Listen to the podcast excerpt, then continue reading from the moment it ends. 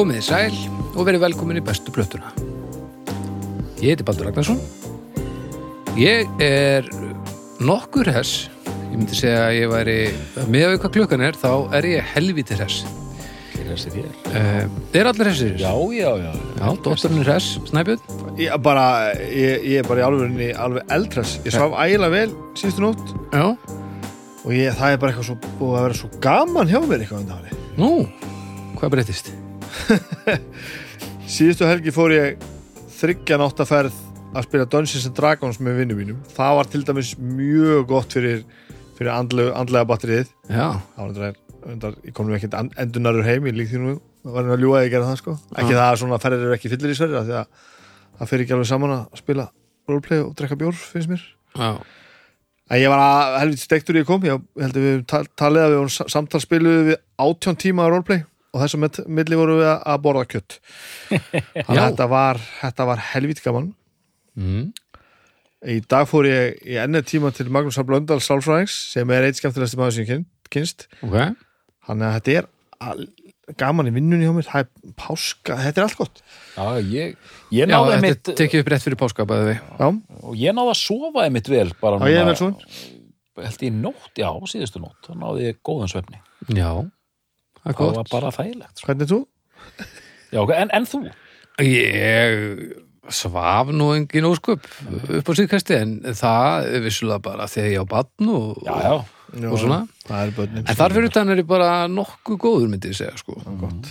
en það er pínu perrandi auðvitað hvað þið eru lífsglæðir og, og, og voðalegir eitthvað? Já, og sérstaklega þegar við erum, við erum að meina allt sem við segjum. Það Já, er líka, já, sérstaklega er svona menn á miðum aldrei segjast vera aldrei hafa mikið samari það er bara óþólandi þetta er ríkalegt sko. Ég er líka enn, ennþá sannfærðri um, um, um hérna eigin Ameríku þegar ég, þegar ég gegnum þig næja að rifja upp hvað ég vakti mikið með börnunum mínu fyrir svo stuttu síðan. Það tímabil er einhvern veginn bara nákvæmlega klárast núna sko. Ég til dæmis vaknaði klukkan 7.40 í morgun og þá vöknuðu allir saman sko. Já. Þetta er ekki, þú veist eða svona mér var að vakna klukkan fjögur eitthvað á nóttunni. Það, Já, það, er, það er bara ekki hægt. ég hins vegar verða veikuna það ég er ekki að díla við þetta sko Nei, nei, nei. það, þau, þær svo yfirleitt bara uh, nótin í gegn, vandamálið er ekki þær, vandamálið er að ég er að fara og setja að sofa, það er bara það Já, já, já. ég er bara, við, það, þannig að ég ætlar ekki að fara að kenna stúlkunum mínum sem get ekki varið sig Nei, nei, nei, nei, nei. uh, Ég held að þú var að tala um það. Ok, þá, Já, nei, nei, þá er nei, ég bara aftur í að hafa ekki saman ég var rétt á hann. Það er bara samt alveg nóg, sko. En ef ég stelst í súklaði sem ég mátti ekki stelast í þá reyni ég alltaf að kenna börnunum mínum um. Það er líka bara sniðugt. Það er, það er já, ég bara ég held að Ísolt hafi eitthvað verið að sniglast já, herðu þið, Siðlust Það er illa gert maður. hvað, bara allt í einu sex plötur orðnar? Já, byrju, ég, ég var ekki Ísolt eitthvað? Ísold! Ekki Ísold eitthvað að ekki ljúga mér. Já, já, það er gott að heyra þeir eru þokkalegir. En hérna við erum hingað til þess að gera aðra hluti heldur en að tala um svefnmennir og lífsamíkju mm. við erum uh, hingað konið til þess að, að tala um músík. Jú, Já, já. En fyrst ætlum við að, tala eins um hljóðkirkjuna. Snæbjörn, hvaða þátt viltu tala um núna? Ég, hérna, ég held ég verð að tala aftur um, um Ég er búin að tala svo oft um það Ég man ekki hvar og hvenær ég tala um hvað, sko. Mér langar að tala um listamenn. Já, Já, Listamenn er bara nýja uppáhás slaðarspil mitt. Djöfull er þetta fyndið. Þetta er, Það er eitthvað ótrútt við það að setjast niður og fara að hlusta þátt sem að verður klukkutíma langur. Mm. og hefur hlustað á það? Nei, en ég er búin að ég veit af til, tilvist þess að þátt Þeir sést- og elska þessa menn. Örn og Valdi bara koma saman og búið til topp tíu lista um eitthvað drast bara eitthvað sem- og þáttur sem ég var að hlusta núna að hann var komin einn í viðbútt þegar þessi þáttur kemur út eða tveir jafnvel eða eitthvað. Nýjasti þátturinn þetta er talað er þátturinn Sósur.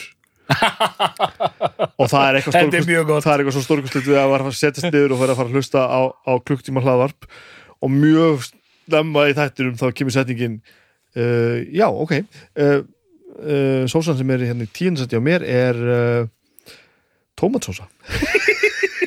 Það er mjög gott. Ég er strax svona að raða þessu hérna í haustum sko. ég, og svo, Já, svo já. er það líka. Svo, svo heldur bara að það sé bara eitthvað svona saklu skemmtefni og það er bara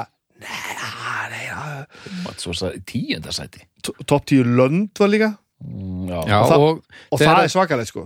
Þegar þessi þáttur er komin í loftið þá er eitt þáttur komin í viðbútt og áttum með insight, ég er ekki búin að hvað er það? Eh, Það er, ef ég mann rétt og vonandi þarf ekki að klippa út er topp 10 bílalög. Nei, Topp 10 bílalög? Jöp, Nú fer, nú fer, fer, fer alltaf stað hjá, hjá manni sko. Já, já. En ég hérna ég, ég, ég er ekkert að ekki, ekki að blása þetta upp á nokkuð nátt sko. Þetta er ekki eðlilega skemmtilegt hjá þeim sko. Nei, þetta er mjög skemmtilegt ég er stundum ekki vissum að þeir viti að þeir séu með hlaðvarp. Þetta er bara eitthvað þetta er bara eitthvað alveg glæsilegt sko. Já, ég er ekki, ég, íti bara rauðatakkan og þeir hafa ekki hugmyndum með þessu partur af hlugkirkjunni, sko. Það er, svo kom Valdimar. Já, sósan sem er, svo ræðar eitthvað bílum til Tómas og svona. Uh, sósan sem er í tíundsætti á mér er hérna satæ sósa. Og það sér að listadur okkar verða ekki eins en listamenn eru uh, á dagskræni á laugardum.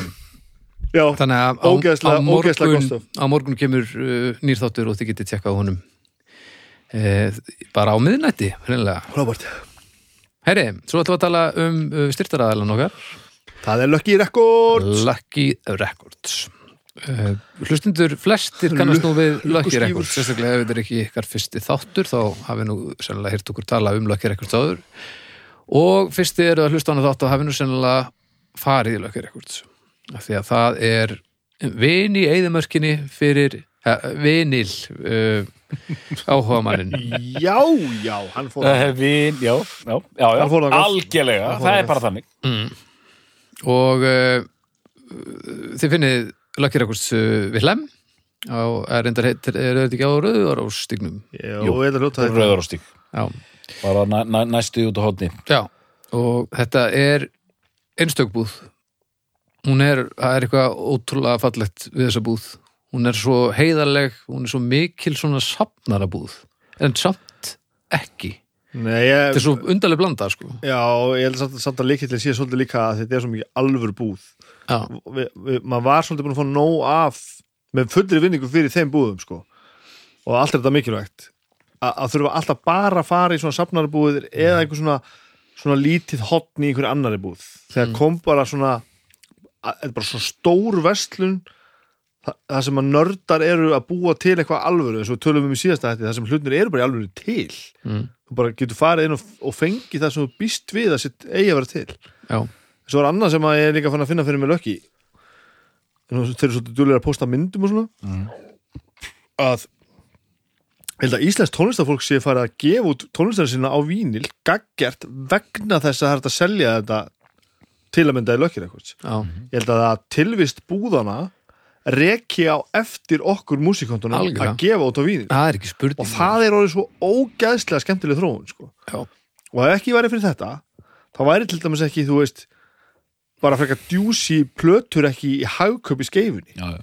þú veist, sem, er, lí- sem er líka frábært. Þú veist, Já, já. það, það, er, bara, það er briljant. Já, en sábur ekki væri ekki þarna í Nei, nei. ef að lökkir eitthvað svo væri ekki svarta svaninum nei, nákvæmlega það er bara mjög einfalt það er nákvæmlega ég, ég held að ég, ég, held að fólk gleymi aðeins að, bara muna eftir í hvað búðin er að koma miklu til leiðar frá okkur hinnum sko. Já, já, hún er ekki bara mikilvæg fyrir tónlistar áhuga fólk, þetta er líka mjög, mjög mikilvægt fyrir tónlistar fólk. Svo fullkomlega sko, svo fullkomlega. Og svo er þessi staðsending líka ógeðslega mikilvæg. Já. að þetta sé ekki bara einhver svona þú veist, að þú veist, þetta er bara, þetta er bara nýri bæ þetta er bara í 100, og- 100 og veist, sennilega heitir þetta 105 þú veist, 101, 5 Já, 105 Við erum svona á þeim mörgum og þú veist, þetta sé bara Nei, fjandir hafi, þú ert ekki á lemmi og í 105, eða? ég held að snorrabröndin skeri. Ég á heima þarna bara hóðninu sko.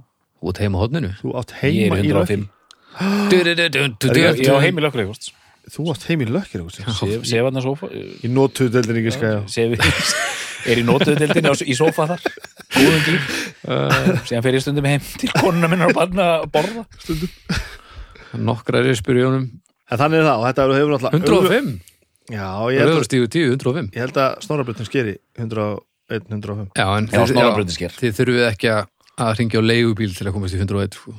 Úrlækir okkur, það ætti alveg að sleppa, sko. Já, það er það er- en þetta hefur náttúrulega auðvitað tengingu við hennar þátt líka að er Já. Og, og, mjög mikið af þeim plötur sem að eru, eru hér eh, ræddar eru hlut, plötur sem ég á ekki áður en ég ákveða að hafa þáttinn og, og fer þangað á kaupi sko. það er Já. bara þannig Takk Lucky Records fyrir að vera til og fyrir að hjálpa okkur með hann þátt mjög, mjög En já, þáttu að færa okkur yfir í uh, málið í dag? Já maður. Já, listamann dagsins. Þið eru hinga konni til þess að ræða bestu plötu uh, gamla PG gamli PG Já. og ein- einmitt, ég held að Peter Gabriel. Það gefur aldrei tónin að segja ekki tónlistamæður dagsins, þetta er listamæður dagsins hvernig líst þér á verkefnið, doktor? Nú erum við, nú erum við búin að ná að halda kjafti um þetta mál alveg. Já, mér, höfum, við höfum ekkert rætt þetta neinstaðar, neinu spjallklökum neitt, neinstaðar, ég veit ekkert hvar landið liggur í þessu. Mér líst mér rosalega vel á þetta verkefni sko. ég hérna hann er Það dulur, hann er dulur minnir mér pínulítið á þegar við fórum í Paul Simon hérna, hérna Já, einu sinni sko. Mm -hmm.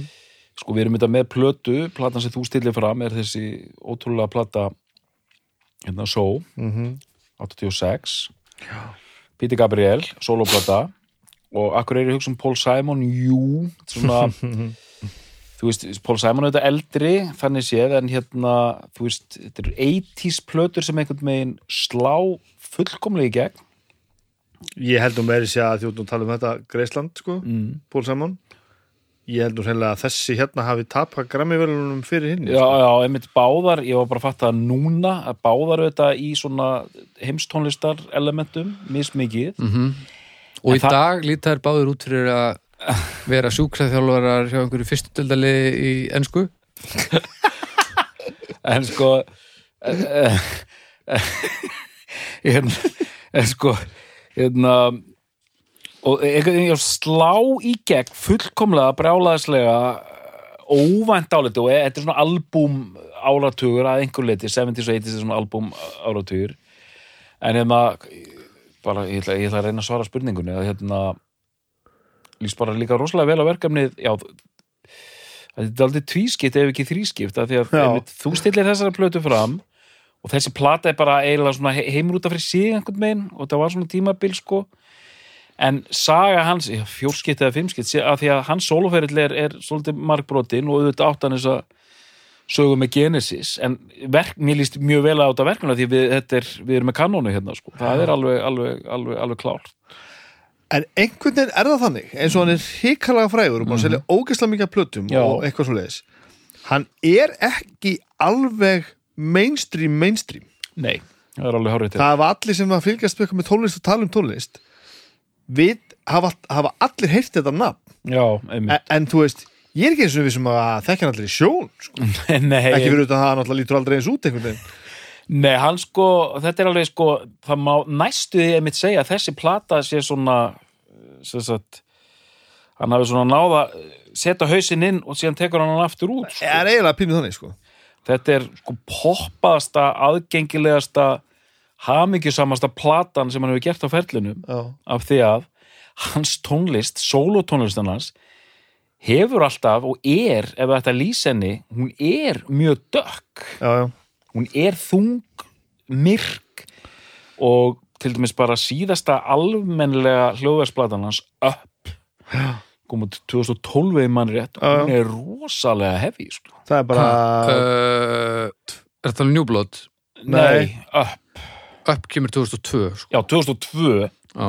það er bara hvað heitir þetta, So, So, Us, Us Us og Up já. og svo kemur Scratch My Back 2010 og New Blood þær tvær, 2011 þessar tvær síðustu eru sko önnur er sko það sem hann að taka lögin sín í, í, í hljómsveitrútsendingum já, og hinn er sko coverlega plata já, það er Já. mikið af einhverju svona flippi hjá honum sko. þetta og hitt sko, en sko svona straight hljóðversplötur So, Us og Up Mm. og bæði Up í rauninni og Us eru mjög þungar, miklu þingri heldur já, en það eru það og bara svona bara rólegur, sérstaklega því að ég var að hlusta á Up bara, já, er, er rólegur. já, ef, ef að fara aðeins bara kronológist í gernum fyrirlega því að pyrru gaman að velta þessu fyrir sig sko Já, ég meina ef einhver tíma hann er fættur 1950 held ég 1950, 13. februar einhver starf í Surrey bara Það já, Vasper eins og ég. Jú, jú, hérna Vasper eins og ég. Og ég? Einhver, einhver, eins og einhver Býttu er ég eina ljónið í svo þetta? Ó, þetta er svo gott. Miðstéttar strákur frá Suður Englandi, einhver stærri söri Og e, enga skóla gengin. Já Svona, mi- svona middelklass Já, mitt svona enga skóla strákur Fer fljótlega Svo við fyrir að tala um tónlist Fer fljótlega að, að rugla reytum með mönnum sem að síðar urðu í, í Genesis. Og sko ég man ekki hvað bandið hétt hann er 15 ára gamall að stofna ykkur hljómsett sko. Hann og, hann og Tony Banks voru Já. bara svona, þú veist ólust upp saman í í, í, í, pollagálum sko. Bara, þú veist bara kynntust þau voru fimm ára eða eitthvað sko. Og það kemur einhvern veginn á daginn að hann er þessi hann verður strax þessi listamaður sko. Alltaf einhvern veginn að hugsa út fyrir virðist fyrir já. og alltaf í einhvern svona konseptum og alltaf eitthvað svona pæla sko. Og þetta er mjög áhugavert sko og það er til svolítið mikið heimildum uh, það er eitthvað svona frekt gig hvort það var síðasta gig í einhverju bandi sem hann var í og ég held að hann hefur verið 15 ára.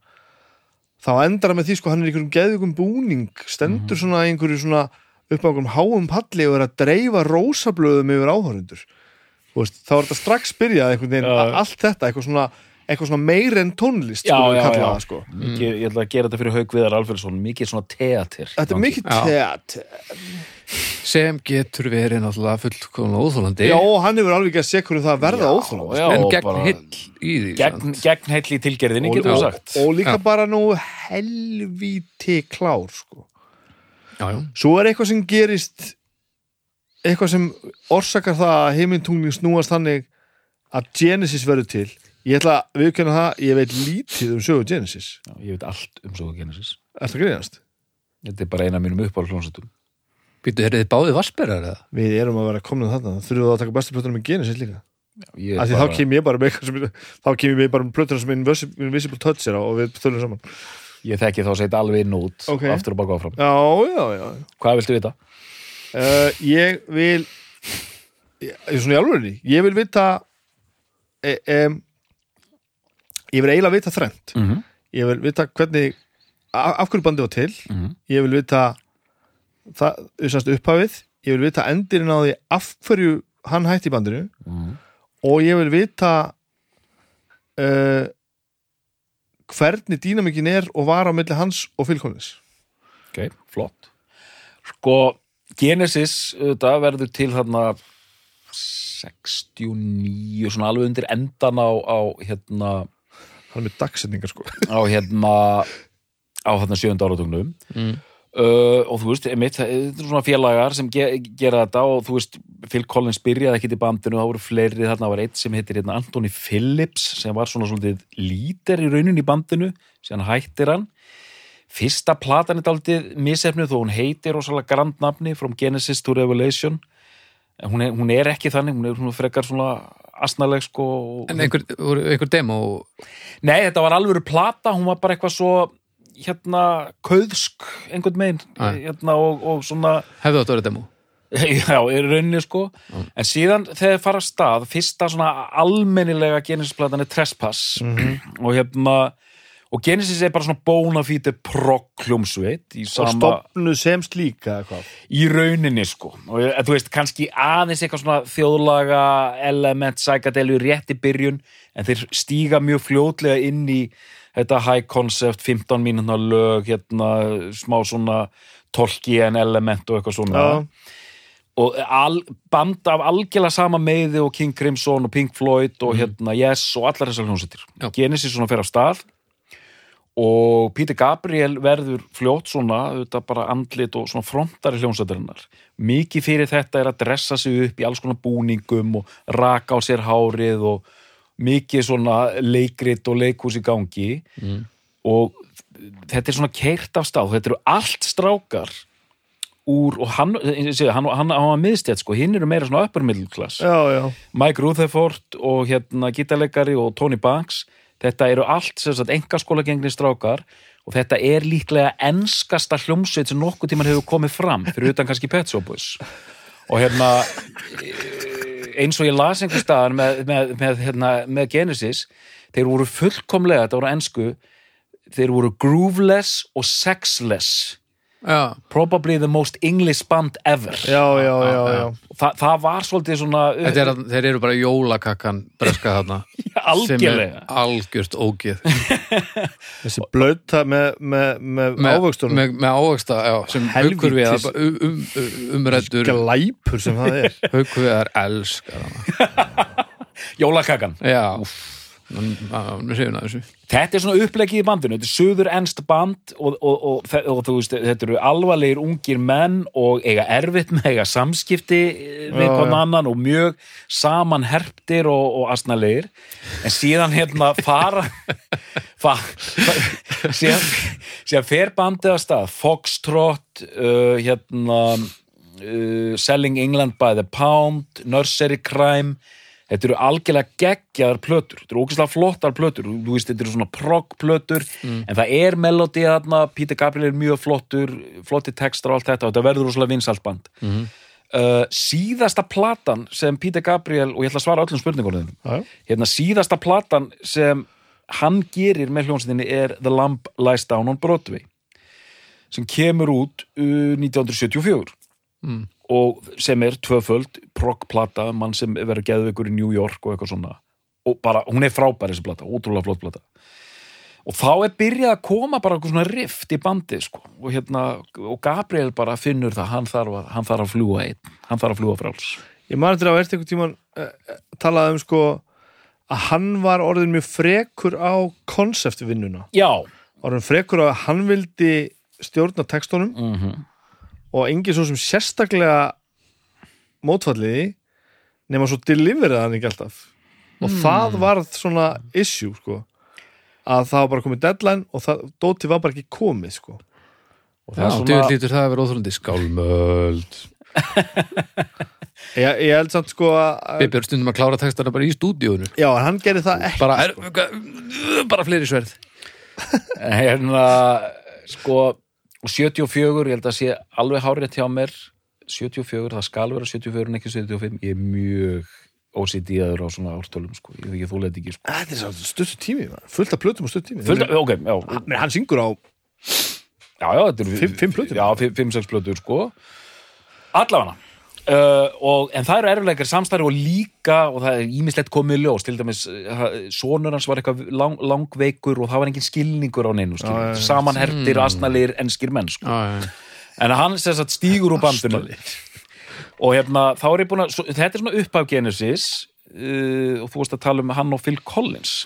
Það er bara svo stórkostlega merkilegt að þeir tveir hafi verið í verið saman í Genesis. Og, og svo náttúrulega ef að sagan er sönn sem að ég hefði einhvern tímann að þeir eru prófað alla söngvara sem að, það er meira kaffi í þessum brúsa, ég kom með, með tvíkoffun hérna í dag. takk.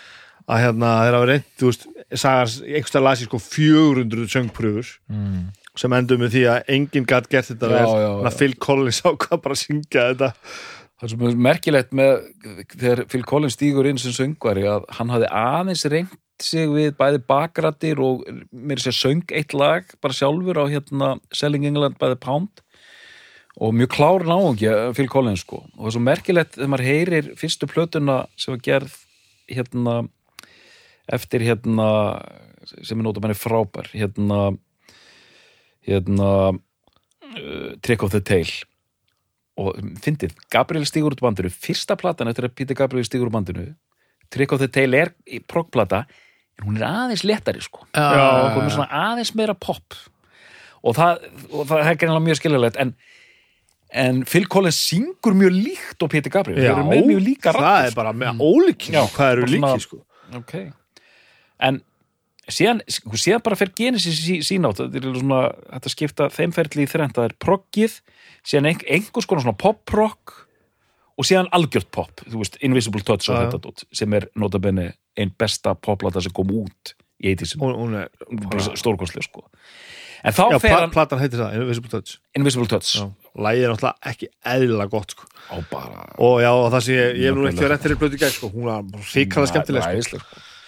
en þá bara, svo, svo við hérna en hann sem þarf að fljúga frá svo bara byrjar að gefa út sínar hérna sóluplötur. Fyrst það kemur út 77 ég manni og þá erum við að byrja þáttinn. Mm -hmm. En er þokkalegu stemmar á milli? Þeirra svona Nei, það- nei, nefnilega ekki þokkalegur heldur stórkostlegur sko. Já, á milli þeirra tvekja Já. Já, þeir eru bara góðingir Þeir eru bara góðir. Og Phil Collins bara er að tromma bara fullt fyrir Peter Gabriel sko. Næs og að bera þá saman einhvern veginn. Það er svo margt það er svo, svo skrítið að þeir hafi hist og unnið saman. Því að þeir eru fyrir Já. mar svo margt svo líki sko, svona séni menn Séni menn séni menn þeir syngja eins.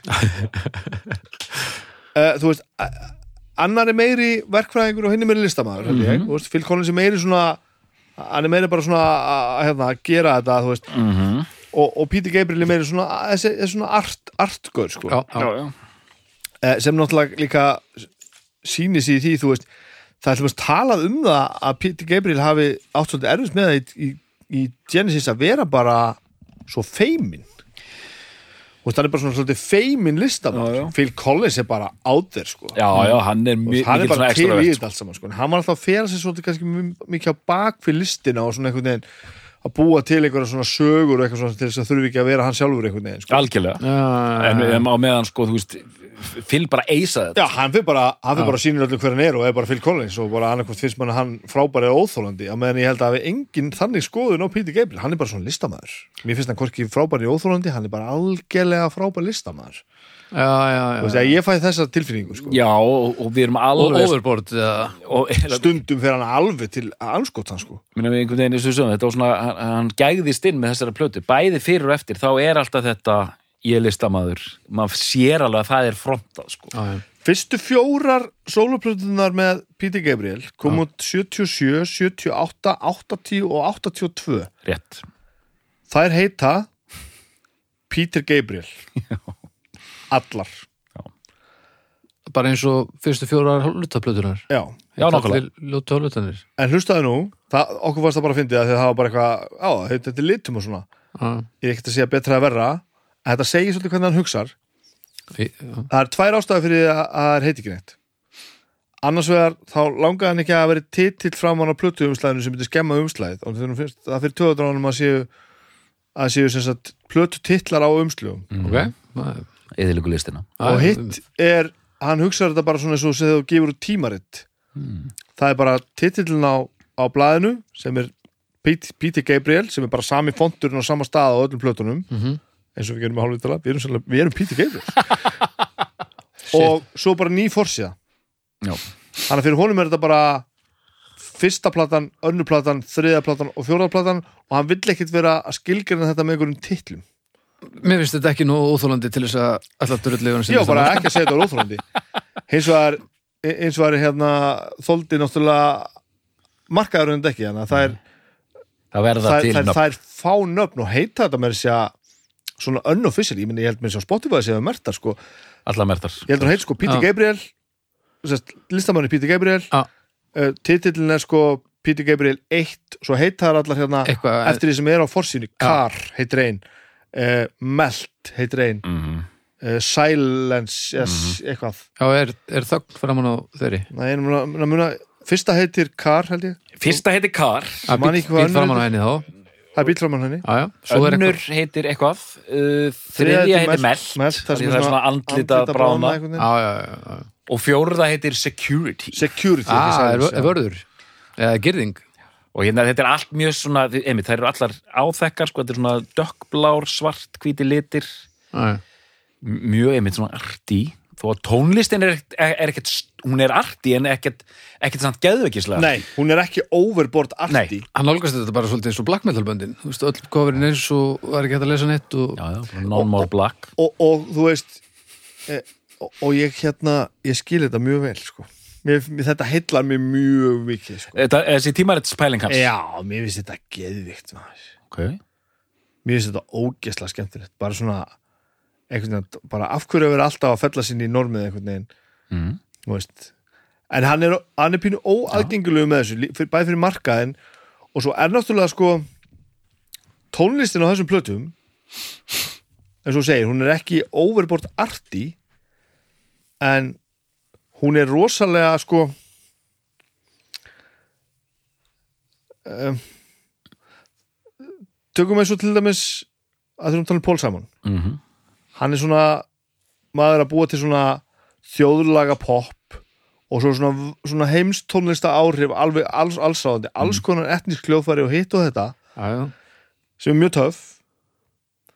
En þessar fyrstu fjóra plötum í Peter Gabriel þær eru eiginlega heimstónlist fyrst það er mest lög sem að þú veist ég er ekki þessum að geta spila á kassagítar sko. Mhm.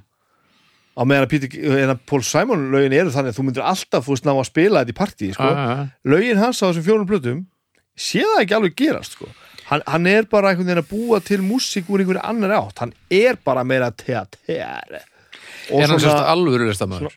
já og hann er það sko Já, og maður finnur mér þess að þegar maður hefur verið að pínu insýni lagasmíðar lögina sem eru oft greinilega bara byggð á s- einhverju stemningu. Notabene nú er ég ekki að taka hann þá sem lagasmíð það því að hann er fucking phenomenal lagasmíð sko. Það er bara svo fyndið- frábær það er bara svo fyndið hvað þú ert búin að segja margt sem mér ætti að finnast óþólandi eins og byggja lög og stemningu og tímarit og allt þetta. Já ég held að það sé pínu ástæð fyrir að ég erum að tala um hann hérna að því að hann er snillingur. Já, já. maðurinn er snillingur. En þú- þú ert hissa og sér ekki komið rauðarspjaldið En Já, þú veist, undir öllum vennulegum kringustæðum væri ég orðin brjálaður um leið og einhver segist semja lög fyrst og fremst út frá stemningu.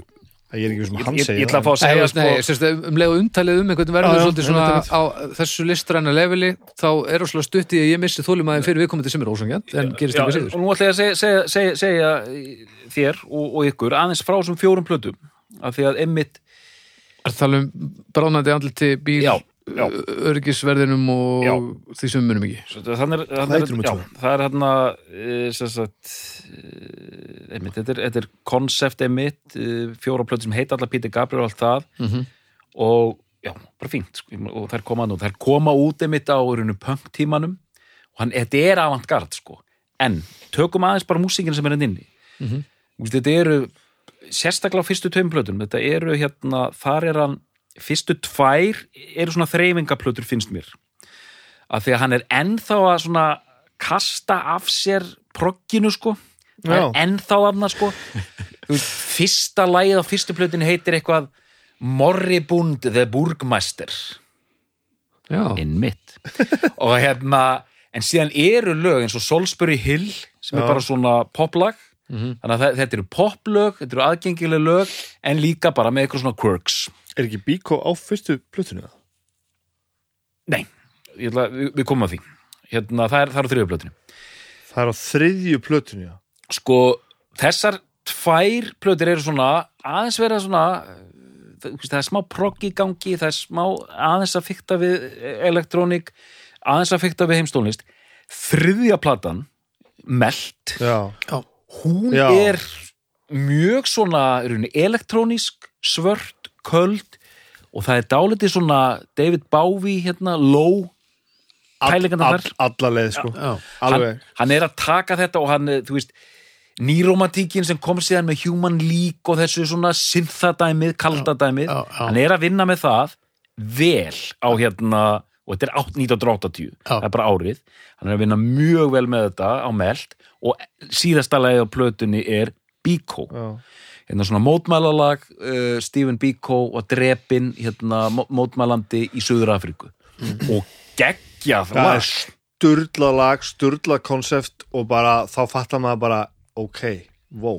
Og þa- þannig ertu einmitt komin í sko að því að við erum að tala um listamaður, kaldur og eitthvað svona það er rosalega tilfinningaþrungilag sko. Já, það þar, er þar bara svona þar er bara hjarta sko. Annað, annað en hitt sko. En er megnið að því sem hann eru gert sem sagt eitthvað sem að er svona mikið útpælt og mikla pælingar, en Mhm. maður fær samt að vera með, þú veist, maður sk- nær maður að skilja já, já, já. Ég myndi einmitt segja, hann hitti þann eins og fyrsta lagið á Meld hittir hérna Intruder. Já, það var coverað af hérna Primus.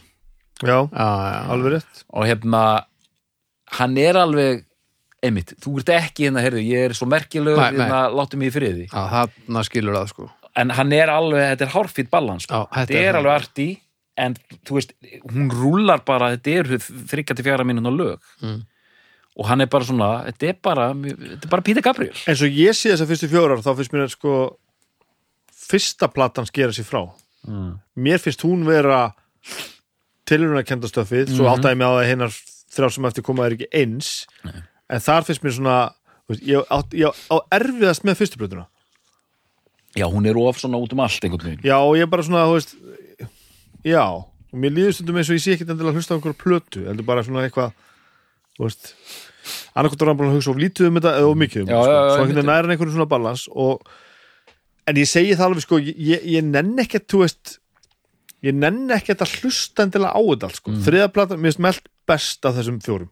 Einmitt, hún er bara það er bara, hún svona rúlar mjög vel einhvern veginn um, eftir þessar fjórar mm -hmm. þá finnst manni eins og það komi skurrpunktur Mhm. en ég er ekkert alveg vissum að hann sé svona grófur sko.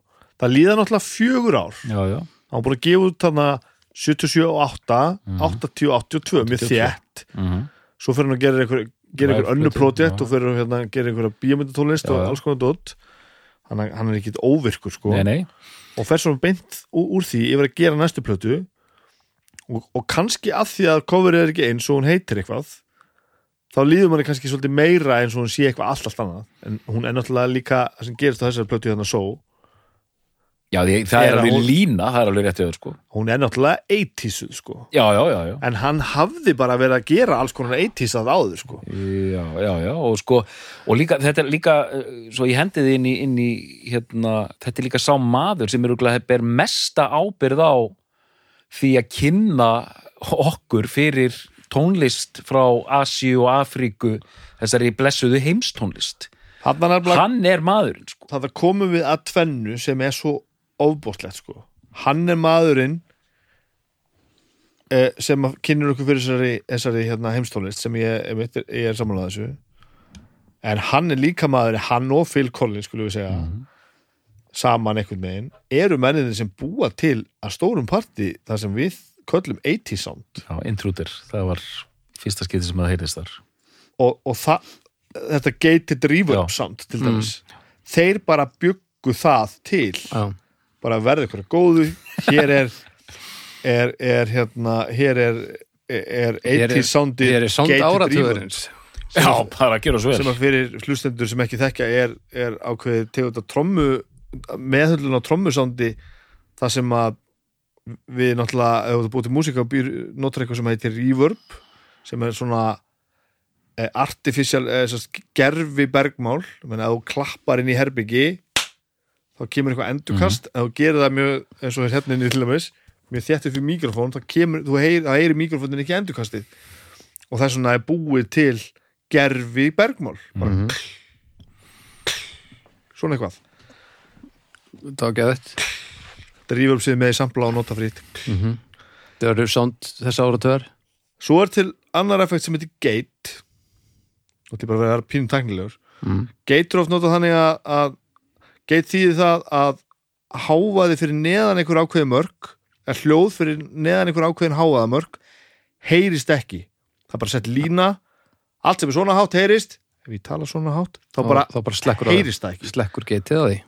Og þessi effekt er settur á þetta, þetta reverb þetta artificial bergmál bergmáli sem byrjar í einhverju hljóðstyrk og feitar svo út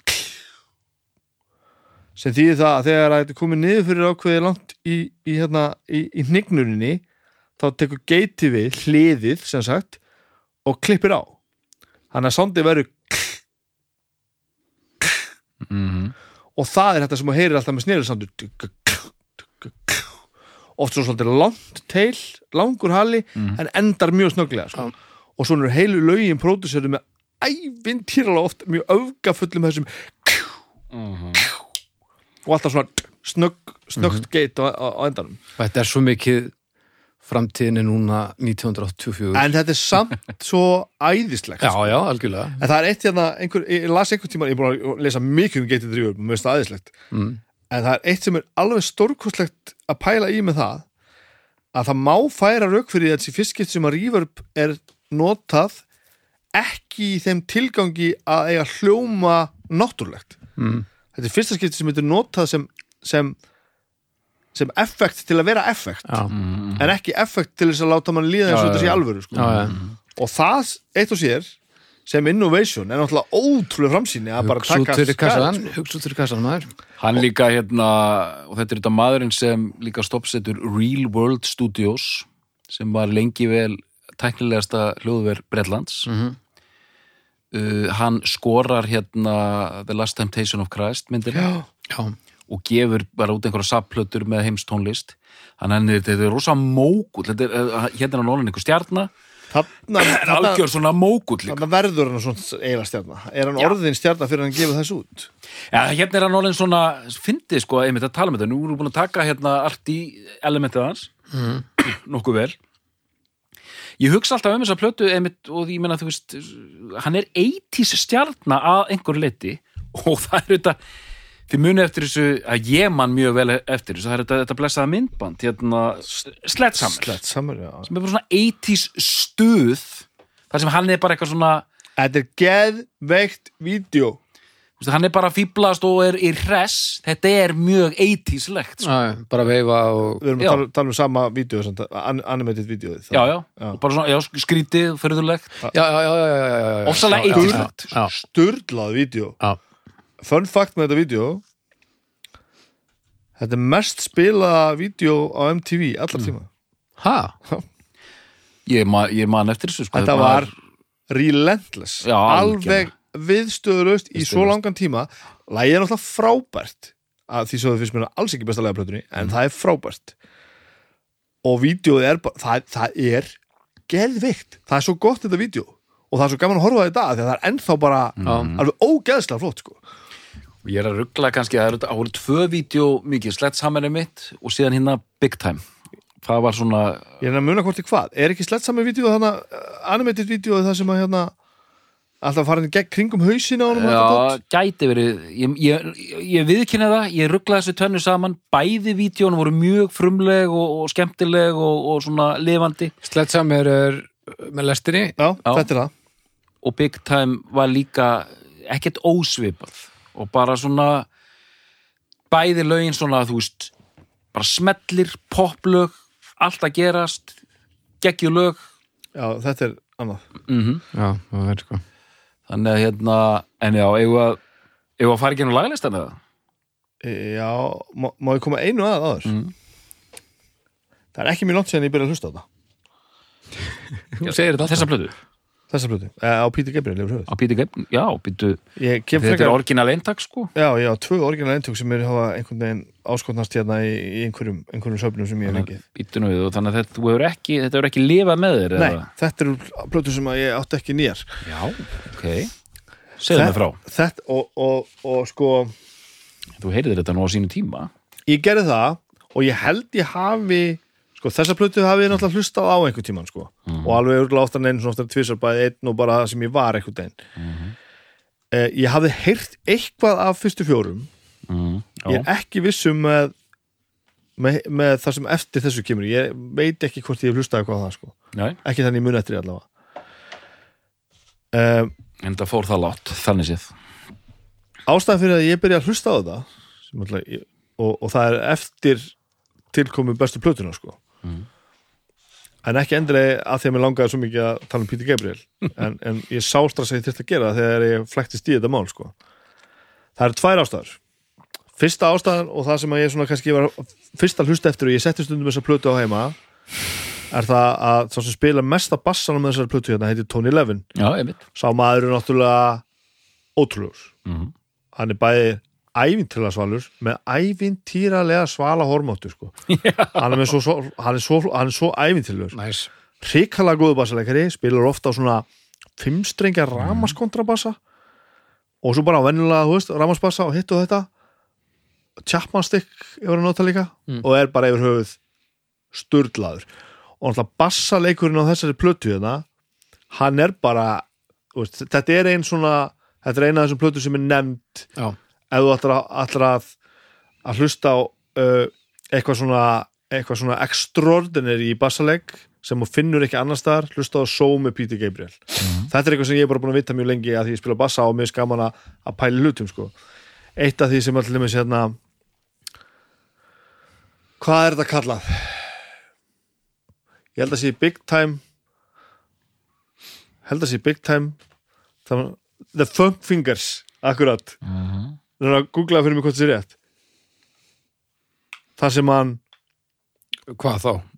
funk, funk, Tony Levin Funk Fingers það sem hann límir afsagaða trommukjöða á puttan á sér og lemur á svona strengina í staðan fyrir að spila og þá kemur þetta brjálaða sound sko. ég held í alveg hann hafi gert þetta í fyrsta skipti á show með Peter Gabriel og svo gerir hann þetta live stundum sko með honum. Og það er bara The Funk Fingers, The Funk Fingers. Það ekki? Jú, Yes. Þetta eru trómukjöðar sem eru festir á puttana. Og á kemur svona funky svona percussion sound úr bassanum. Búið til af Tony Levin uh, Peter Gabriel, King Crimson Liquid Tension Experiment og gítartekkinum hans Andy Moore. Og kemur fram hvort þetta var á þessari blötu eða? um, uh, uh, uh, uh, uh, Andy The Moore ætli aim was to recreate the effect of drumming on the strings of one space as done by drummer Jerry Marotta for Peter Gabriel's song Big Time when recording the album Nice. Soul. Og þetta fyrir nörd eins og mig sem að finnst gaman að spila bassa og velta fyrir sig hvernig maður spilar á bassa og hvernig menn geta tóru svona ævintýralegur og allt þetta, þessar soundpælingar og, og þetta. Þá þú veist, fór ég að hlusta eftir þessu og bara, þú veist, djöfull er þetta gott Ég hérna heyrði auðvitað öll þessi lög á sínu tíma í útvarpinu, man ég. By the way, Funk Fingers voru framleitir og seldir milli 98 og 99 Nei, en í júli 99 þá uh, hérna, var allt uppselt og, og hafa aldrei verið framleitir eftir ah, nú það maður að á eBay og að tökum Býtum við, Expanding Hands Music brought Funk Fingers back into production in May 2013 Yey! Ég verð að Það prófa er bara Funk Fingur út um allan heim núna. Djöfull verði ég vinsall í skálmöld til ég mætti með þetta Djöfull hættu við þá Já, Ég ætla að segja sko hérna, já á sínum tíma, ég heyrði þessi lög bara í útvarpinu, ég er að sjá hérna líka, það var svo vinsalt plötur á nýjönda áratögnum voru oft áttalaga. ég held að það sé frábær hugmynd. Ég held að áttalega plötu sé best. Lögin oft fjórar til fimm mínútur á þessum áratug, einhverju hluta vegna áttalaga plötur. Og hérna og þessi, en ég sagt, þetta var þetta, ég var bara 12 óra sko, ég átti aldrei eintak, ég heyrði bara þessi útáslög, hlustaði aldrei á hana þannig sem svona heild. En ég veit að þessi plata það er margir hérna eyður. Arnars, já, ég held að hann hafi einhvern veginn líst yfir þetta þessi bara besta plata allar tíma. Það er bassalegari Þetta kem, það kemur heim og saman sko. Og að því að þú veist, fyr- fyrir mann með insýn í bassaleg að hlusta á þetta er bara, veist þetta, þetta er, og það er ekki, ekki að þetta sé svo tæknilega ótrúlegt. Mhm. bara hugmynda auðgin smekkleiheitin stundum tæknin sko. Mhm. og þú veist, hvað hann er ráðandi oft Mhm, á þess að vera sko taka frá þetta bara en Gabriel sem sagt verður með þessari plötu einhvers konar, þú veist. Já, hérna hér hvað hann er búin að spila. Tony Levin, Já, hann er náttúrulega svo mikið hann, er svo mikið, hann og Marcus, Marcus Miller og fleiri náttúrulega. Já. Viktor Wooten og einhverju en, en Tony Levin er bara, þú veist. Og hann er ertu með mynd á honum? Já. hann er illa svalur hann er svakalur. Sjáðu þennan mann. Hérna, sjáu þið hennan með tjapmannstykkin hann hann er að spila með hérna Nei, hann er alltaf með mottuna og svo heldur hann á einhverju. Hann er að spila með hérna Tjaldastig? Já, ég veit það, en hann er samt fyrst og fremst með mottuna. Já. Hann er að nummer spi- eitt. Já. hann er að spila með King Crimson líka núna sko. Já, já, en á, sko, það er svolítið furðulegt hvernig þessi plata verður. Hún er þetta selst, vonur viti og hérna, hann verður svona það er það sem ég er að reyna að vinna með sko, hann verður popstjarna en samt þetta er svona gáum hann að poppa einhverju leitinu sko. þannig að þetta er, það er haldið í eitthvað svona arti vinkil, samt verður þetta rosalega vinsalt, selst rosalega mikið og lög eru spiluð alveg endalust sko. ég er ekki, ég er ekki alveg búið með, búið með söguna hvernig ég kom svo að þessu en það kemur um þetta, þetta er ágættis brú í það sko. Hljómsveit sem að mér finnst ekki skemmtileg en ég fylgist mjög mikið með og ber æfintilega verðingu fyrir ég bara ég held sé ekki að missa neinu, þetta er bara ekki mitt þeng það er prog metal hljómsveitin Dream Theater. Já. Sem að bara sem er náttúrulega bara svolítið eins og Með sjúka Vótuglegir, svolítið leðilegt Já, sko, Dream Theater eru þetta fyrst og, og fremst rosalega leiðinlega hljómsett Já, Æ, ég skil þetta ekki sko. Þetta er bara það sko. Hann- En maður finnur samt alveg hvað þetta er vel gert. Menn eru bara að vera duglega finnst mér oft sko. Já, ég skil, já, skulum segja það, ég skil vel fólk sem dyrkar Já, já, já. drýmþétir, en við þurfum ekki að gera það. Nei, hins vegar er sko nálgunin er frábær fyrir fólk sem hefur áhuga á, á, á græjum er náttúrulega ekkert skemmtilega heldur en að fylgjast með þeim. Nei, og svo náttúrulega eru þeir sumi hverjir allavega alveg óskaplega aðgengilega og skemmtilega menn. Og sérstaklega gítarleikarinn John Pet- Petrucci Mm. hann er svo skemmtilegur sko. Það er svo gaman að hlusta á hann tala, hann er svo lítilátur og glæsilegur og fallegur einhvern veginn og alltaf að tala um gítarana sína og hvernig þetta sé og svona hálfpartan að gera lítúr í hvað eru stjartfæðilega góður í sem gera, menn þeir eru ekkert eðlilega góðir sko. Og í tvígang heyrði ég hann nefna plötuna Só með Píti Gabriel. Hann var, var spurður á svona eyðiga spurningu. Hvaða plötur myndur, plötur myndur taka með þér á eyðigu og hann sagði að það var ómöðuleg spurning en, en ég geti til dæmis alltaf hlustað á Só með Píti Gabriel. Þá var ég alveg bara að hlusta svolítið á Só með Píti Gabriel ég bara John Petrucci að nefna þessa plötu umfram allar aðra það er rosalega skytið sko. og þá var ég svona búin að veist, heyra þessa plötu ég ákvað bara og þetta ég að fara að aðtuga hvað það er sem maður eins og John Petrucci sér í þessari plötu Mm. og þá fattar maður það sem þú varst að segja náðan sko.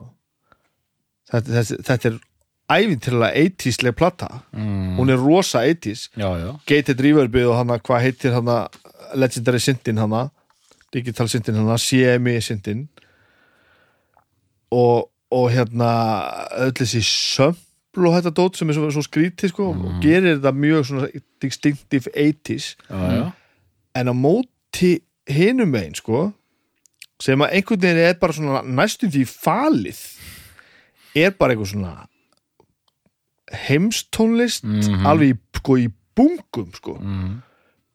smáprogg mjög óhefbundnar útsetningar uh, litlar en stórkostlegar ákvarðanir í lagasmíðum svona litli núansama sem bara ok, hvaða mistara glæsileik er þetta sko og þá fer maður bara að fatta og svo bara flissa maður laukin og fatta bara þessi plata hún endar aldrei það er bara dýft og meiri dýft og meiri dýft og meiri dýft og meiri dýft sæk getur hlusta á hann fyrst skipti og bara helvítið er þetta, helvíti er þetta næs plata.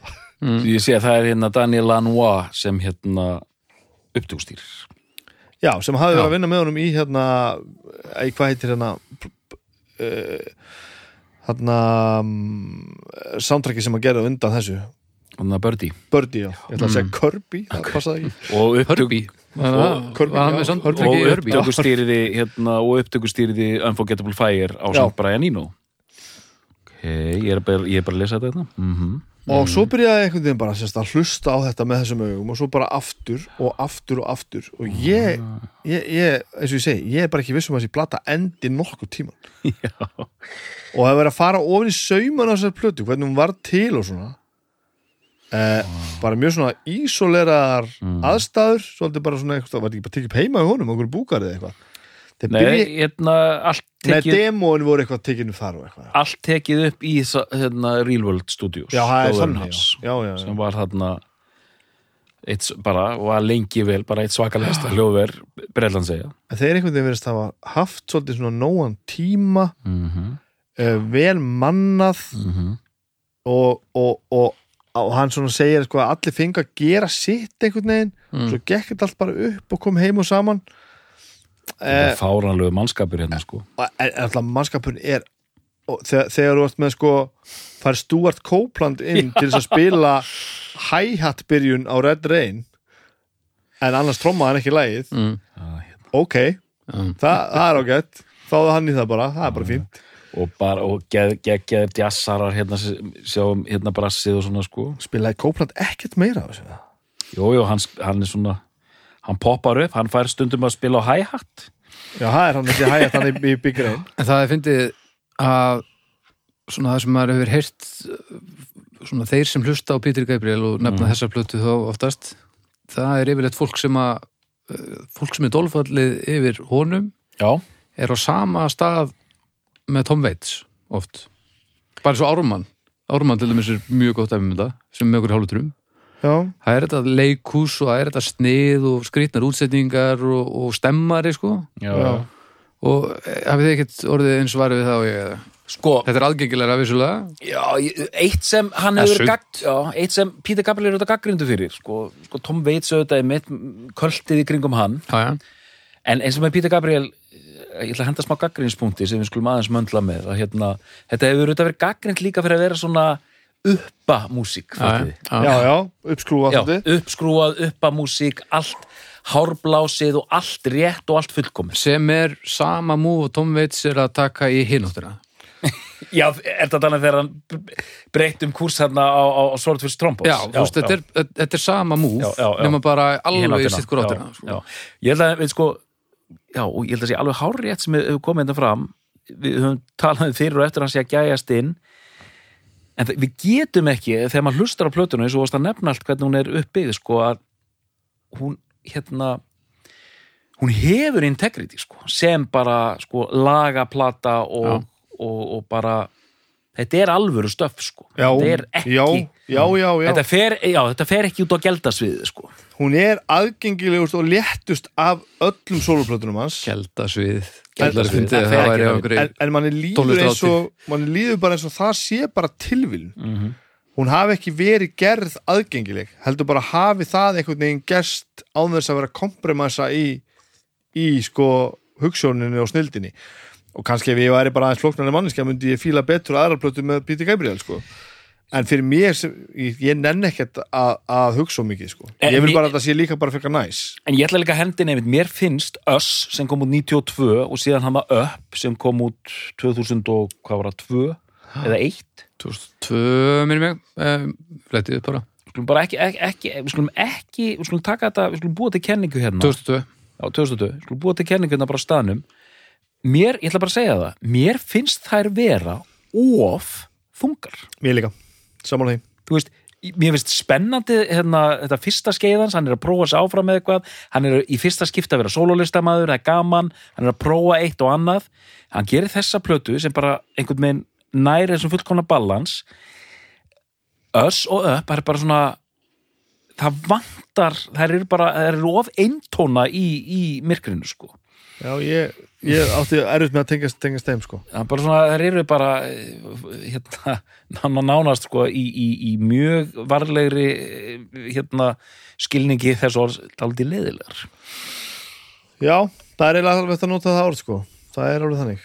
Þú veist, allt í lagi svona en veist, alveg flott stöff og allt það en bara svona mann er bara að leiðast þó við og ég ætla bara, svo ég afgreða þetta ég veist, þetta allt sem hann hefur að gera kvikmynda tónlistin og þetta taka einhver lög eitthvað svona, ég er svona ég hef ekkert verið að setja minni í þetta. Ég nenni, sama- ég nenni því ekki, að sama mér, það er ekkert svona eitthvað þú veist. Það kallar ekkert á það sko. Uh, og þetta er mjög fyndin fýr sko. hann fyndi að sjá viðtölu hann er óbúslega svona Fýr. Hann er óbúslega svona straight forward einhvern veginn. Og svona næstum því óáhugaverður þegar að vera að tala við hann. Já, líka eitt hérna ég verð að segja, næstum því, svo það sé tekið tekið fram ég verð að segja eina sögu hérna, þetta er stórkostlegt dæmi. Hérna, það er þáttur heimildamind um Genesis. Þegar þeir koma saman aftur. Af því þið hafið áhuga á þessu báðið tveir sem svona hljómsveitar menn Mhm. þeir eru komin allir aftur saman sko, gullaldar Genesis sko, sex manns, sitja þarna saman. Og það er alveg stórkostlegt að fylgjast með. Þú getur, það eru ákveðna setningar sem fá þarna og þeir eru að tala saman það sem getur skorið bara loftið í gegn með hníf. Og Tony Banks fer bara af stað og hann er svona verstur að þeim og fer að tala bara um að hann, hún með þótt Lamblights Down on Broadway sem eru oftast kallað meistarverk Gabriel með bandinu. Fyrir bara að tala um honum fannst þetta ekkit vera sérstakt og þetta veri bara fyrir eitthvað leiðilegt og, og eitthvað svona. Segir þetta bara, passa sig að horfa aldrei augun á Gabriel þegar hann segja þetta. Segir bara svona, mér fannst þetta svona og svona og svona. Og Gabriel situr við hliðina á honum og með svona frosið bros bara svona. Og hérna, og þeir eru nefnilega æskuvinninir sko. Örgulega þess vegna þorði Tony Banks bara, hann fór bara inn og Gabriel bara situr bara mhm, mhm. Og hérna, og það var erfitt að horfa á þetta. Síðan fekk ég bara upplýsingar síðar að þeir væru það góði vinir ég sá einu sem þegar Peter Gabriel var að indökta Tony Banks í eitthvað dót þá sagði maður, ok, ég skil, hann var með já, já. skotleifið, sko. Já, já, en eh, bara fáránlegt að sjá þetta, sko. Hvað, hvað hérna og Gabriel þetta er ekkit lengur hann, hann hefur ekkit tekið þátt í neinum af þessum Genesis hérna Nei. endurkomum, sko. Einhver ástæða fyrir þessu? Að það virðist ekki anda Nei, já, skít köldu þó að sé alltaf að það var einhver styrleiki sem ásaka að hann hætti sko. Þetta er bara einhver virðist vera svona og maður svona, þetta er merkilega, sko, þetta er bara einhver ákvörðun, sko, bara, hann hefur aldrei ekki, ekki einu svona eitt gig, sko bara kom upp og hérna syngja eitt lag eða líka, bara Nei.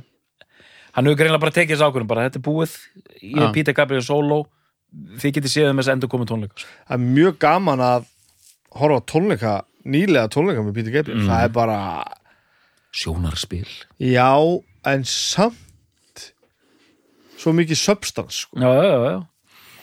sko að því hún að bera saman hann og Phil Collins sem er náttúrulega mjög einfalt og náttúrulega hann fór náttúrulega solo og Phil Collins og var náttúrulega þú veist það sem hann gerði stundum þegar maður að hlusta á Peter Gabriel eins og þessari plötu Mm. þá gæti maður bara rugglast já, já, já, já, já, já, já. en svo fer maður að heyra og veist, hlusta maður meira á, þá allt í hennu fer hann að minna mann á Sting já, já. og svo allt í hennu fer hann bara fer þetta bara hljóma svo Talking Heads, bara Byrne Mm, já, já, já, og gott. allt í hennu bara allt í hennu bara pínu bái komin í þetta og þannig að þá, þá, þá er hann svona á þess að sé eitthvað er hann að- herma eitthvað.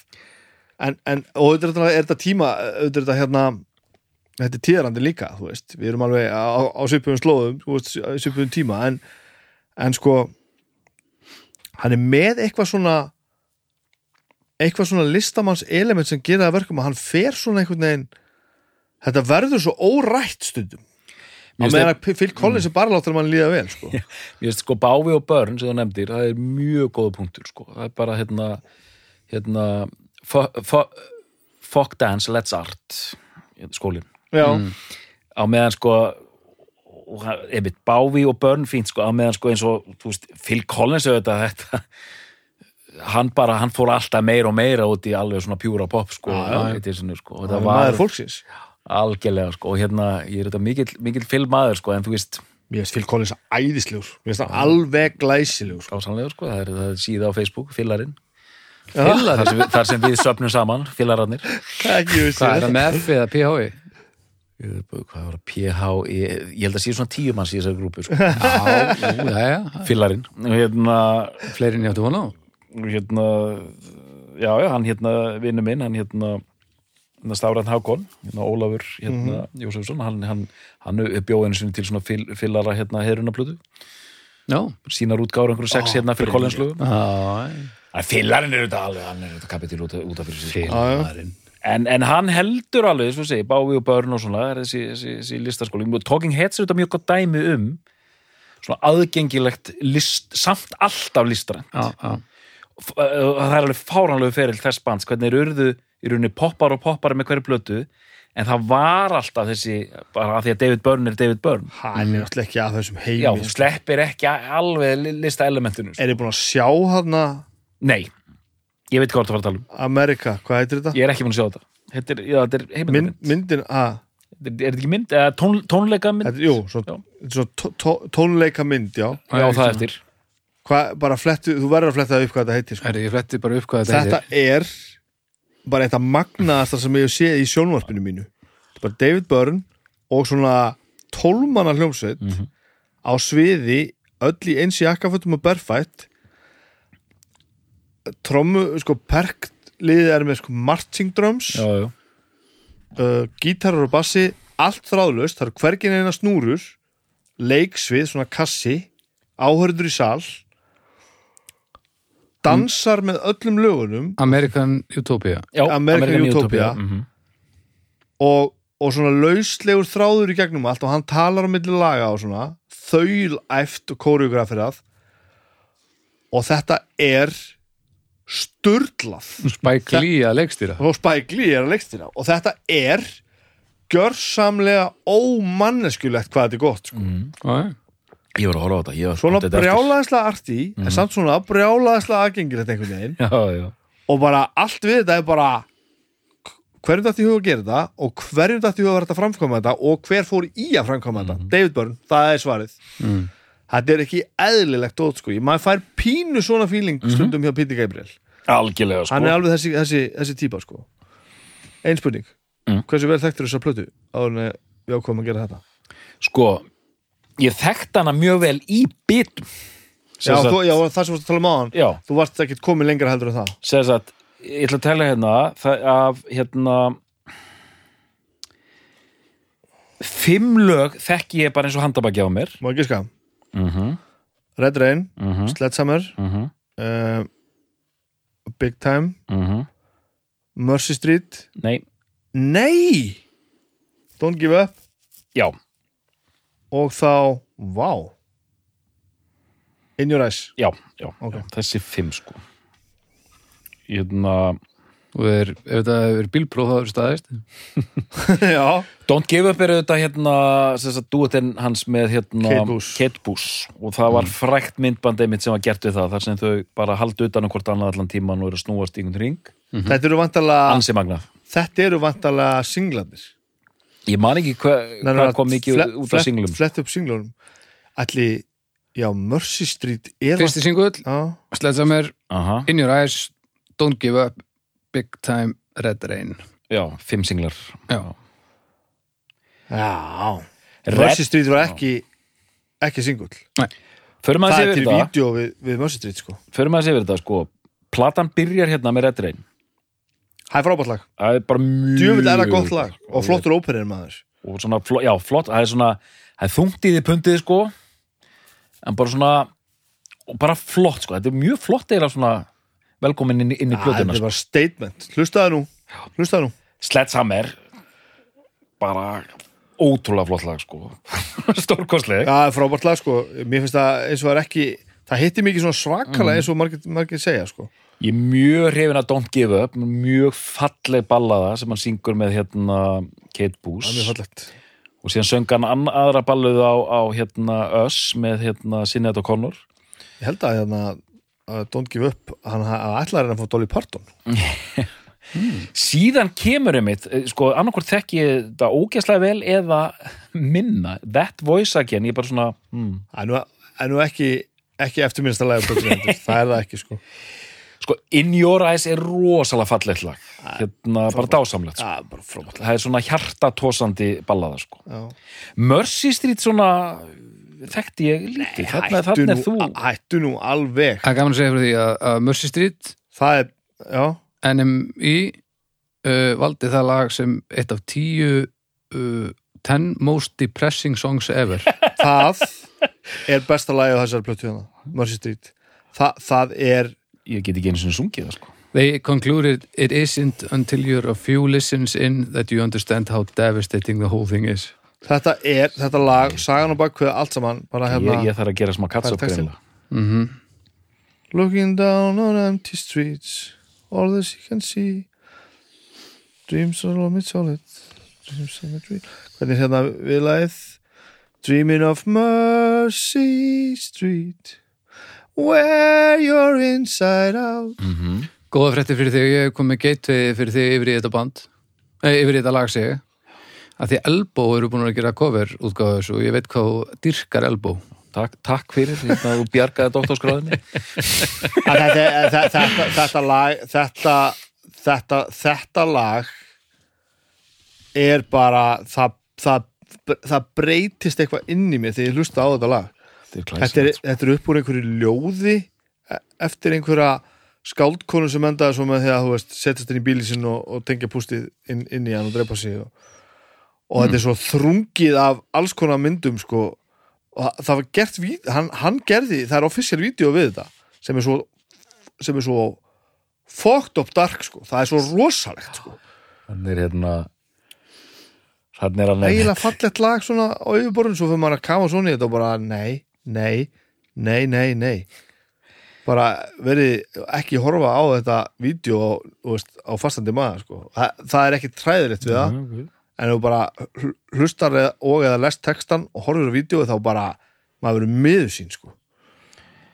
uh, Big já, time. já, big time, hvernig fílar það? það er grúvari stuð. það er lefin að spila með Já, trommuputtunum það er svo glæslegt Já, mér, mér finnst það að það bara er snillt. frábært lag, Dýrkaði frábært lag og síðan sko, við dúða þetta, ég bara, ég get ekki ég, man- ég man ekkert þessi tveir closerar á hlið A og B, það er saman með mér ég, það er það er svona, mann minnst eftir Bi- en Big Time er svona, hvað, þetta er nálega svona þetta er bara shit, hvað þetta er gott lag Já, það, það er líka komið þessu sem ég var að tala um áðan sko. til dæmis samspil tromma og bassa per, þú veist, bara, bara rithma Mm. parið þarna þetta er bara ekki hægt. Mm. big time, ætli Copeland trommi það ekki bara? Þetta er nú svolítið hans stíl sko. Jú, það, þegar þú segir það sko það, það er, við höfum hann grunnaðan og til annað kemur í ljós. Drums Stuart Copeland, ha, mega sens en líka, Og árið 2006 þá notaði WWE Big Time sem aðal stefið fyrir WrestleMania 22 Já, alveg. Jöp, Já, það er geðveikt. En aðtíðið eins og eins og við vorum að tala um melt sem er mjög svona hérna hilstift þessi plata hérna uh, sagt, uh, já, hilstift og eintónarunni ætlaði að segja. Að þessi plata er einmitt sko þarna eru tvö svona stöðlög það er ballaða það er eins og þú segir þarna Mercy Street svona bara þrúandi lag. Það er svona, það er margt í gangi líka. En samt rauðu þráður gennum allt já, hann er að það sko. Hún verður aldrei laus losharleg nei, að- sammála, Ég s- algjörlega sammála. var að skoða það núna í aðdraðandar þessu, var að skoða eitthvað viðtal við hann. Það var, var að spyrja hann svona í baksíðspeglinum, bara nokkur ár síðan.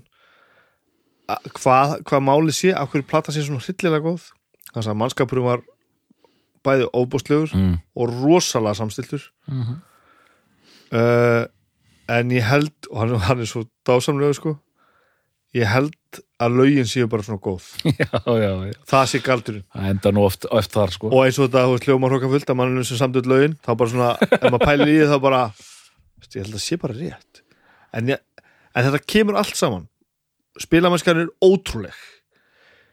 Lögin eru ógeðslega vel saman og textandi sko það er nú saga bak við það. Með textana, það kom áttur að því að hann var náttúrulega hérna, var svona ekki að klára neitt hann slugsi frestari algjör sko. Og hann hann að Daniel Lanois Lanois, sem það? Lanois. Lanois. Hann, Daniel Rouen þegar þeir voru að gera demóin þá lokaði hann inni. Hann neldi fyrir dittnar svo hann kemist ekki út. Kláraði þetta, Petter Petter Gabriel, Petter Gabriel. kláraði þetta núna og, hann, og þú veist það er sérst þetta, lögin, lagasmíðan textasmíðanar óafinnanlegt. Spilamennskan og stemningin í lögunum og ótrúleg sko. Eh, hljóð heimurinn að því að þú veist, eitt sem við erum ekki búin að nefna nema óbeint hún hljómar náttúrulega alveg ógislega eitís sko. Mhm. og alveg svona, þú veist En finnst þér það óþægilega eitt? það er nefnilega málið, það er svo skrítið ef þú tekur hlustar, Ég, ég ekki sko. Þú hlustar hlutlægt á þetta þá hljómar þetta bara eins og Frankie goes to fucking Hollywood sko. Sándlega séð sko. Já, já, bara, nema bara alls ekki sko. Ég fekk smá fyrir hjarta sko. Já, já, ég veit það. A- að því að þú veist ég, það er hel, ég held þetta sé bara 80 stone right sko.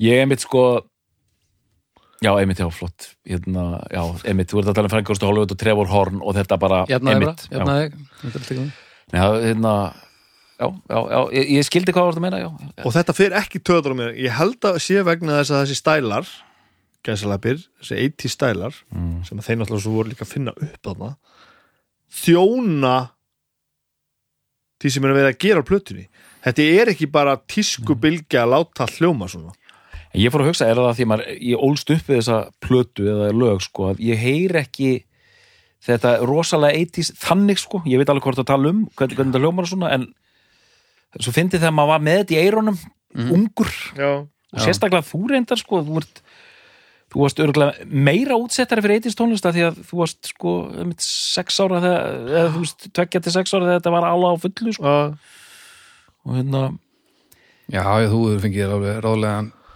dagskamt og vel haf eitthi sig held ég. Já nema náttúrulega það var alltaf opið fyrir ásett á okkar Já, já, var þannig að það var enda lítið ég var ekki mikið exposed fyrir, fyrir en ég, var, Meira bara ríða trjó sko. Ég fekk nefnilega, ég var fekk ég, ég, var, ég fekk Frank Góst og Hollywood plötunni jólagjöf þegar ég var tíu ára. Já, og hérna, gjósanlega dýr, dyrka þá plötu Welcome to the Pleasure Dome Aha. bara elska þetta. En þar er einmitt þannig að Trevor Horn var með þetta, þetta wall of sound element sitt sko. bara allt hérna ABC, Frankie Costa Hollywood fleiri bönd sem voru með þennan sko, algjörlega over the top Já, já, já. 80s svona tísku brjála gjörsanlega farið bara einmitt bara allir stælarnir. Alveg bara farið bara á 380 km hraða bara. Allt, allt, allt, í, allt í botni. Herrið, ég er auðvitað sem að fara bara kalla uppgjör. Já, af því að við náttúrulega kláruðum ekki ferilin með þessar tvær hann síðustu plötur. Þurfum við eitthvað að gera það? Nei, ég, ég, ég, ég er bara að segja það sem ég vil segja um þær plötur sko. það er, önnur þeirra er er bara plata sem hann valdi sjálfur af sóloverkunum sínum mest af sóloplötunum en líka af eitthvað sondrökkunum og spilaði það inn í einhverju orkastral útgáfu og, og sönguna og fekk alls konar fólk til að vera með sér En um þarna ég veit ekki af hverju það þarf að gera það sko. Þetta, þetta, þetta, þetta gerir mikið reyðan en þetta hjálpar engum fyrst mér sko. En þetta öss og uppmálið er bara þannig öss kemur þarna 92, búið að býða þarna í 6 ár og hún er eins og hún er of þung og upp sem er nýjasta alvöru breyskjan, hún er hún er eiginlega, eiginlega bara þingsta plata sem hún hefur gert sko. alveg bara nýjuð Já, bara nýjuð og nýð, nýð þung sko. Já, sem er það sama Já, En- já, nýjuð já. Já. Er, er Já. þetta húsfiska? uh, ég veit það ekki ég, Hálfvita- klokkan er margt bara hálfvitaslangur Ok. og alveg nýjuð, jú, það þetta er er ekki hálfvitaslangur. Já, mikið tekið af þessum, þessum orðaleikjum þar Já. og svo er þessi þessi, þessi tökulega sem ég skil eiginlega ekki heldur sko. Það, og, og þannig held ég að sé bara að dunda sér sko. ég bara meina, er hún ekki bara búin að gera alls konar Jú, held orðið að- drull, gera eitthvað sem er gaman ég mig grunna það sko, og, og, og það eru að sjálfsögðu bara alveg meistarlega snildarætt sko, bara vel já, gert já. ég held að veist sopnalegu kvöld og þér finnst það leðilegt sko. já, já, ég hef ekkert slætt um þetta að segja heldur ég bara, veist, þetta gerir ekkert fyrir mig sko. en já, ég, ég heldur við séum bara komin sér hvort að enda með þetta sko. uh, uppgjör snabbi, við byrjum að þér eh, nýtilkomin áhugi á plötu sem ég hef átt mjög lengi á manni sem ég vissi að ég þyrfti að kynna mér betur sem er svolítið eh, eru undir markmið mitt með bestu plötunni er að, að, að skrúfa mig í þá átt að, að hlusta á hluti sem að ég veit að ég á að vera búin að hlusta á en er ekki búin að. Og eins og til dæmis að aukvölda þessa plötu er bara ég átti að sittra mjög ofta á heima á mér. Þetta er, til dæmis einhver stemning við þessa plötu sem að finnur ekki annar Þessa, þessi plata og Greisland uh, þessi hljóma bara að því Greisland er svo rosa flippuð sko mm. og stórkostlegur, náttúrulega tekja hana fyrir hérna eins og þetta þessi er bara miklu meira low-key sko Mhm. hún er, hún setur henni bara á og hún verður ekki svona mikið, wow, wow, hvað erum við að hlusta hér hún verður bara frekar einföld en ef þú bara hlusta á hana þú veist, þó ekki, sinni með þrísvarsinum og ég tala nú ekki um þú veist tíu sinnum og eins og ég er búin að gera örgulega 20 sinnum þá ertu bara komin inn í einhvern heim sem að þú veist bara og, og, og þú er bara ennþá að, að flysja utan á honum með einhverja algjörða snild en hún er samt bara svona easy going. Mm. pínu 80s hallarislega sem er ógislega næs svo bara, hvaða hljóðfæri er þetta? og bara akkur spila menn svona á bassa í þessu? Og bara hvað er að gerast hérna eiginlega? En, í, en á yfirborðinu bara smooth as a baby's ass uh, augljóslega ótrúlega heillandi maður og með ótrúlega sögu sko. Mm. ég veit ekki hvort ég á eftir að nenna að dífa mig betur, betur í plötuna sem að ég þekki minna og, og fíla minna, ég veit ekki hvort það er þaralegandi minna eða bara minna yfir höfuð. En þetta er bara ógæslega gaman að, að tekka þessu. Og þessi plata er bara þetta gæti verið besta 80s platan með svona 80s tónlist ef við setjum þetta svona í 80s flokkin þá þú veist hún er, er, þetta er, svakali plata sko. Mm. Dóttor Já, sko það er þetta allt, allt komið fram með þessa plötu. Hérna, ég er búin að segja það alveg miljónsinnum ég hérna eftir mikla yfirlegu þá er ég búin að velja hver er besta plata Píti Gabriel. Já, og já, hér, kottu með það. Já.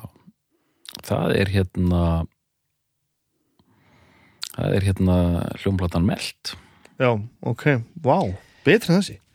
Já, fyrir mig sko ég er hrifnastur af þessum hérna og því þekki mig nú bræður þetta kemur kannski ekki á óvart meld er svona, þú veist sört, köld, þung eintóna og hérna heilstift. Smá djótið viðsjón í gangi já, sko. já, algjörlega. Já, Uh, og mér finnst hún bara þegar ég fór að skoða þetta finnst hún bara mjög flott. Uh, þessi sko ég er mjög hrifin af öllum þessum hérna, stöku lögum sko. En fyrir mér sko uh, þá er það bara lög sem, sem, sem, sem, sem ná ekki landi en það er samt ekki ástæðan fyrir því að ég er að velja hérna fram yfir sko mér finnst þetta, þú veist, frábæð plata og allt það sko en, en bara vel hérna fram yfir svo að það sé sagt sko Já. ef, ef, ég, ef það er satt Arnar hvort finnst þér meld betri eða svo þá myndi ég segja meld sko já. en ég meina þessi plata eins og þú hefur að lýsa þetta er alveg ótrúlegt þreikverki Og þetta- og bara, ætla að segja það og árangur líka af því að þú veist, þetta er maður komin á aldur Já. Þannig séð að hann nái að verða popstjarna, vera með þessi geðveik hittara myndbönd en líka með rosalegt artistic statement í Já, gangi já. það eru marg ímislegt ekkað þarna og bara vel gert sko. þetta er auðvitað þetta er auðvitað mainstream platan hans þetta er platan sem hann hefur selt mest og ég er bara að hoppa á vagnin sko. Það er alveg þannig. en hún er mainstream í kontekst þú veist, þetta er svona hjá einhverjum öðrum væri þetta mjög þung já, já, einmitt, einmitt. Já, já, við líka bara verðum alltaf fegnir eða úr reyfri það er bara ha, hoppa á vagnin já, já, hoppa á vagnin hann leiði aðeins svo langt þarna þegar doktor eða eitthvað. Það er svolítið ég langt klippi sko. þetta kannski bara til. Stittu það einhverja þagnir, þá kannski fattar fólk. Þannig að Snæbjörn er þetta besta plata Peter Gabriel?